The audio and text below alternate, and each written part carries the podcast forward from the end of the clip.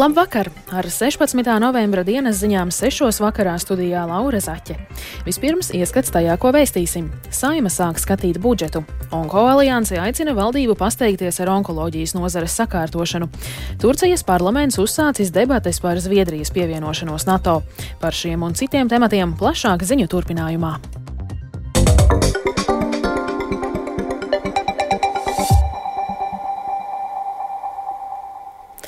Drošība, veselība un izglītība - tie ir nākamā gada valsts budžeta galvenie virzieni. Saimas deputāti visas dienas garumā ar budžetu saistītos likumprojektus skata pirmajā lasījumā. Par to, kādas atziņas par budžeta projektu izteiktas, vairāk Jāņa Kīņša sagatavotajā ierakstā. Drošības un ilgspējas budžets - tā to dēvē koalīcijas partneri. Tajā par galvenajām valsts prioritātēm noteikti iekšējā un ārējā drošība, izglītība un veselība. Budžets veidots koleģiāli, spējot vienoties par galvenajām prioritātēm. Uzrunā saimai uzsvēra premjera Evika Siliņa no jaunās vienotības. Es aicinu deputātus atbalstīt 2024. gada budžeta projektu, atbalstīt lielākas algas policistiem, glābējiem, pedagogiem mediķiem un atbalstīt pieejamākus veselības aprūpas pakalpojumus mūsu pacientiem un kvalitatīvāku izglītību mūsu bērniem. Es vēlos, lai Latvijas iedzīvotāji būtu veselāki, izglītotāki un pats galvenais, lai mēs visi būtu drošībā. Trešdaļa budžeta izdevumu paredzēta iedzīvotāju sociālajai aizsardzībai. To savukārt uzsvēra saimnes priekšsādētāja Daiga Mieriņa no Zaļo un Zemnieku savienības. Pensijas turpmāk paredzēts indeksēt divreiz gadā. Nākamgad atjaunos piemaksas par darba stāžu līdz 1998. gadam tiem, kuri pensionējušies no 2012. līdz 2014. gadam. Paredzēti vairāk līdzekļu personu ar invaliditāti asistentiem, aprūpē mājās smagi slimiem bērniem un hospīs aprūpēji. Budžetā nebūs tā saucamo deputātu kvotu kādas agrāk dažus gadus bija spēkā, paredzot līdzekļus parlamentāriešu individuāli izraudzītiem projektiem. Opozīcija, kā ierasts budžetam, veltīja kritiskus vārdus. Esot sagatavots kārtējais budžets tēriņiem, nevis pelnīšanai. Izskanēja arī jautājums, kur budžeta projektā redzams solītais ekonomiskais izrāviens. To, ka budžetā visām vajadzībām naudas nepietiek, atzīst arī koalīcijas pārstāvji. Turpina Uģis Mitrevits no Nacionālās apvienības, Edgars Tavars no apvienotā saraksta un Harijs Rokpelnis no koalīcijā ietilpstošās Zaļo un Zemnieku savienības. Nu, nevajadzēja baidīties nosaukt šo budžetu par militāro spēju stiprināšanas un Eiropā nepieejamākās veselības aprūpes sistēmas ugunsgrēka dzēšanas budžetu. Šis budžets man atgādina kurkuli ar milzīgu jaunās vienotības galvu un sīkām ZZS un progresīvo kājlēm. Jāatzīst, ka kurkuļiem vieta ir purvā vai dīķī, nevis saimnes namā. Nākamā gada valsts budžets manā vērtējumā ir kā līdzeklis, lai apturētu asiņošanu vairākās nozarēs. Bet uz pilnīgu tautssaimniecības izvesaļošanos vēl ceļš ir ejams.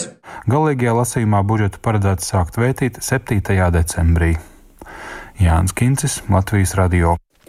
Jau trešo reizi kvoruma trūkuma dēļ šodien nenotika Rēzeknes domes sēde. Uz to ieradās 6 no 13 deputātiem. Rēzeknes domes pozīcijas deputāti pārstāv politisko partiju kopā Latvijai, kuru vada atstādinātais Rēzeknes mērs Aleksandrs Bartaševičs. Partija paziņojumā norādījusi, ka neierodoties uz sēdēm vēlas pātrināt domes atlaišanu un jaunas vēlēšanas. Pēc nenotikušās sēdes savu skatījumu Latvijas radio sniedza opozīcijas deputāts, deputāts Juris Guntis Vjakse no apvienotā partiju saraksta. Šobrīd ir jauns pavērsiens, slimības lapas, jeb darba nespējas lapas. Jāstāsta likumdošana, ja nemaldos, pusgads. Tā var būt. Es ceru, ka būs kāds simptoms no malas, kas tomēr liks vai ļaus kolēģiem ierasties, un mēs turpināsim darbu. Šobrīd izskatās, ka par to pazīmi nav. Līdz ar to divi varianti. Vai nu kolēģi tomēr cienot savus vēlētājus nāk un kad ir, kad ir veseli, turpina darbu. Vai no otras variants, tad jau viss ir Rīgas lēmēju rokās un kā mums tā būs.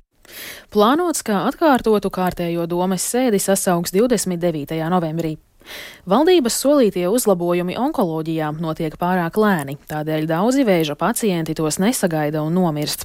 Lai pievērstu uzmanību lēnajai virzībai onkoloģijas jomas pilnveidē un atgādinātu par vēža pacientu vajadzībām un onkoloģijai nepieciešamo finansējumu, Latvijas onkoloģijas pacientu organizāciju apvienība Onko alianse šodien laukumā netālu no saimas rīkoja informatīvu pasākumu Laiks un vēzis negaida.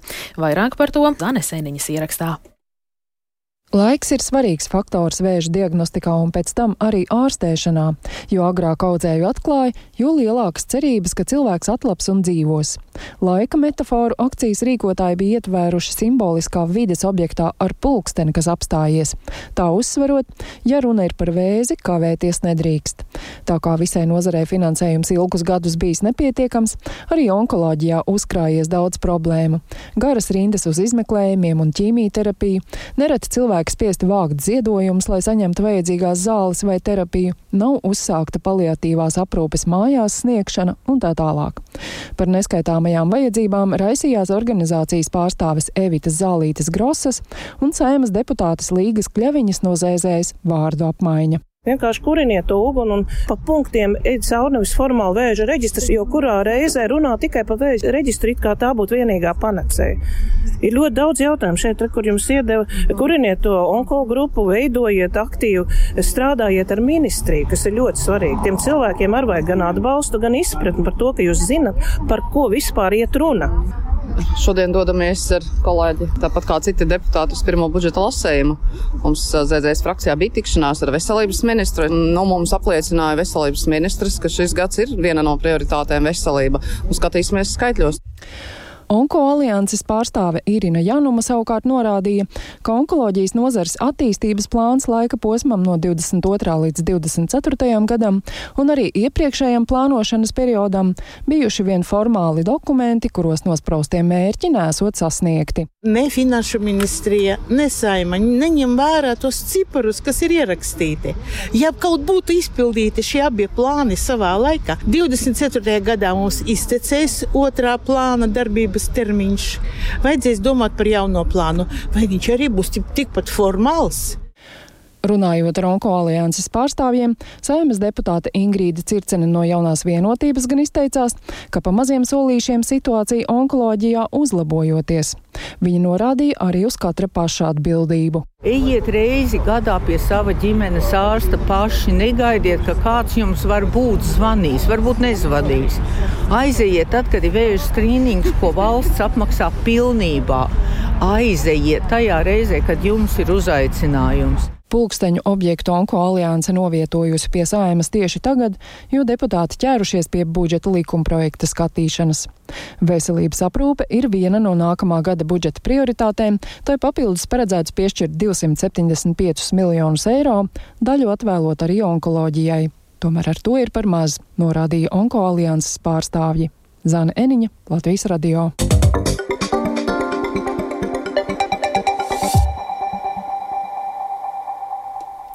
Šodien Briselē notika valsts prezidenta Edgara Rinkēviča pirmā tikšanās pašreizējā amatā ar NATO ģenerālsekretāru Jensu Stoltenbergu. Atbalsts Ukrainai, kā arī NATO austrumu flanga aizsardzība bija daži no svarīgākajiem jautājumiem, kas tika apspriesti šīs sarunas laikā. Stoltenbergs slavēja Latvijas valdības apņemšanos tuvākajos gados palielināt aizsardzības budžetu līdz 3%. Tāpat NATO ģenerālsekretārs piebilda, ka sarežģītā situācija Ukrainas frontē ir arguments, lai palielinātu, nevis lai samazinātu atbalstu President uh, Putin invaded Ukraine wanting less NATO. Prezidents Putins iebruka Ukrainā, jo vēlējās mazāk NATO, bet viņš saņem vairāk NATO. Viņš pilnīgi nenovērtēja Ukrainas iedzīvotāju apņēmību aizsargāt savu brīvību, un viņš pilnīgi nenovērtēja NATO atbalsta vienotību un spēku. NATO sabiedroties sniedz bezprecedenta militāro, humāno un finanšu palīdzību Ukrainai. Latvija tajā spēlē atslēgas lomu. Tas ir jo īpaši svarīgi tagad, kad situācija kaujas laukā ir ļoti sarežģīta. This is even more important now as the situation on the battlefield is very difficult. Turcijas parlaments šodien beidzot atklājas debates par Zviedrijas pievienošanos NATO. Diskusijas sākums Turcijas parlamentā ārlietu komitejā ir svarīgs brīdis gan Eiropas drošībai, gan Turcijas attiecībām ar rietumiem. Pēc diskusijām komitejā parlaments par iestāšanās protokola ratifikāciju varētu balsot jau šomēnes. Turpina Rihards Plūme. Uzņēmuma Eureža grupa analītiķis Emre Pekers vērš uzmanību uz to, ka Turcija vēlas iegūt ASV kongresa apstiprinājumu liela daudzuma iznīcinātāju F-16 iegādēji, un ASV to izmanto, lai ietekmētu Turcijas viedokli Zviedrijas jautājumā. Tajā pašā laikā eksperts min, ka Turcijas prezidenta Redžepa Tajepa Erdogana lēmums iesniegt Zviedrijas pieteikumu parlamentā tā apstiprināšanai ticis pieņemts, lai parādītu Turcijas nozīmīgo lomu NATO aliansē. Jau desmito dienu turpinās Polijas autopārvadātāju sarīkotā kravas automašīnu blokāde uz robežas ar Ukrainu. Turklāt poļiem pievienoties draud arī Slovāki. Blokāde ietekmē lauksaimniekus, kas mēģina izvest Ukrainā izaudzēto. Organizācijas Visukrainas agrārā rada pārstāvis Denis Marčuks norādījis, ja poļu protesti turpināsies solītos divus mēnešus, tad jau drīzumā varēs runāt par Ukraiņu uzņēmējiem nodarītiem zaudējumiem desmitiem miljonu dolāru apmērā. Pagaidām, kamēr turpinās dialogs, mēs varam konstatēt, ka zaudējumi ir, bet pagaidām nav tik nozīmīgi. Ja poļu protesti turpināsies kā plānots vairāk kā divu mēnešu garumā, tad tas varētu radīt zaudējumus līdz pat 100 miljoniem eiro vai dolāru. Ja poļi turpinās bloķēt ceļus, tad Eiropas komisija varētu sākt pārkāpuma procedūru pret Poliju. Komisija Ukrāņu medijiem paudusi, ka poļu varas iestādēm ir jāspēj nodrošināt preču plūsmu no Ukrainas caur tā saucamajiem solidaritātes koridoriem. Atbilstoši Eiropas Savienības likumiem ir jānodrošina brīva preču plūsma Ukrainas kravu pārvadātājiem.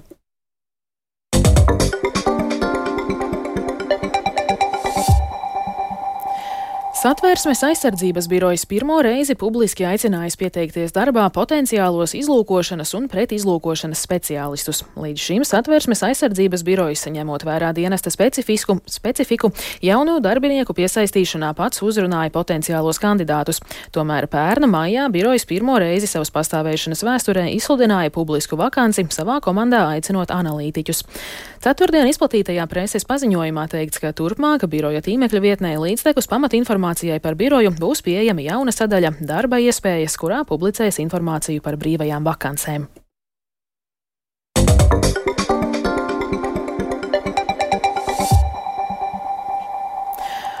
Un ziņu noslēgumā par sportu. Nacionālajā hokeja līgā Teodora Bļugera pārstāvētā Vankūveras Kanaks papildu laikā ar 4-3 uzvarēja Ņujorkas Islanders.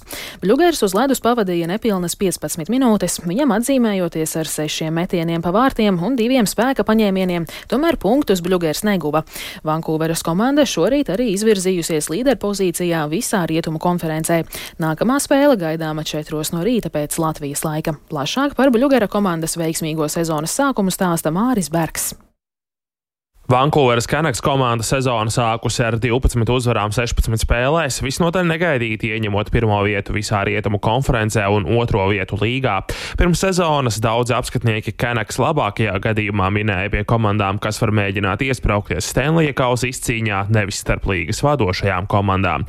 Iemesli tik labam sezonas sākumam ir acīm redzami. Ar 70 vārtiem Kanaks ir pārliecinoši rezultatīvākā komanda NHL.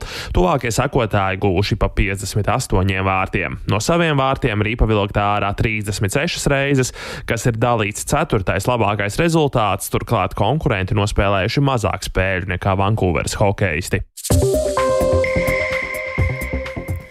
Ar to izskan 16. novembra dienas ziņas. Producents Viktors Pupiks ierakstus montēja Uldis Grīnbergs, pieskaņu pults Mārtiņš Paiglis, bet studijā Laura Zaķe. Un vēl tikai par laikapstākļiem. Yeah.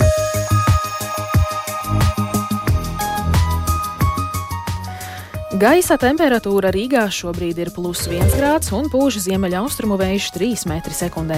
Atmosfēras spiediens ir 766 mm, bet relatīvais gaisa mitrums - 62%. Bet par to, kādi laikapstākļi gaidāmi turpmākajās dienās, pastāstīs sinoptiķe Ilze Golubeva. Piektdien debesīs būs mainīgs mākoņu daudzums, pūtīs lēns vējš un tikai dažviet nedaudz sniks. Gaiss naktī atdzīs līdz plus 1,4 grādiem, bet vidzemē un latgalē vietām būs vēl augstāks. Tur temperatūra pazemināsies pat līdz mīnus 7 grādiem. Arī dienā nebūs pārāk silts, jo maksimālā gaisa temperatūra būs vien mīnus 2,3 grādu robežās. Arī nedēļas nogalē, tā skaitā valsts svētkos mākoņu debesīs būs maz un no nokrišņi gaidām tikai dažviet. Naktīs vietām salas pastiprināsies pat līdz mīnus 7, mīnus 9 grādiem, bet dienu laikā temperatūra lielākoties svārstīsies ap nulli.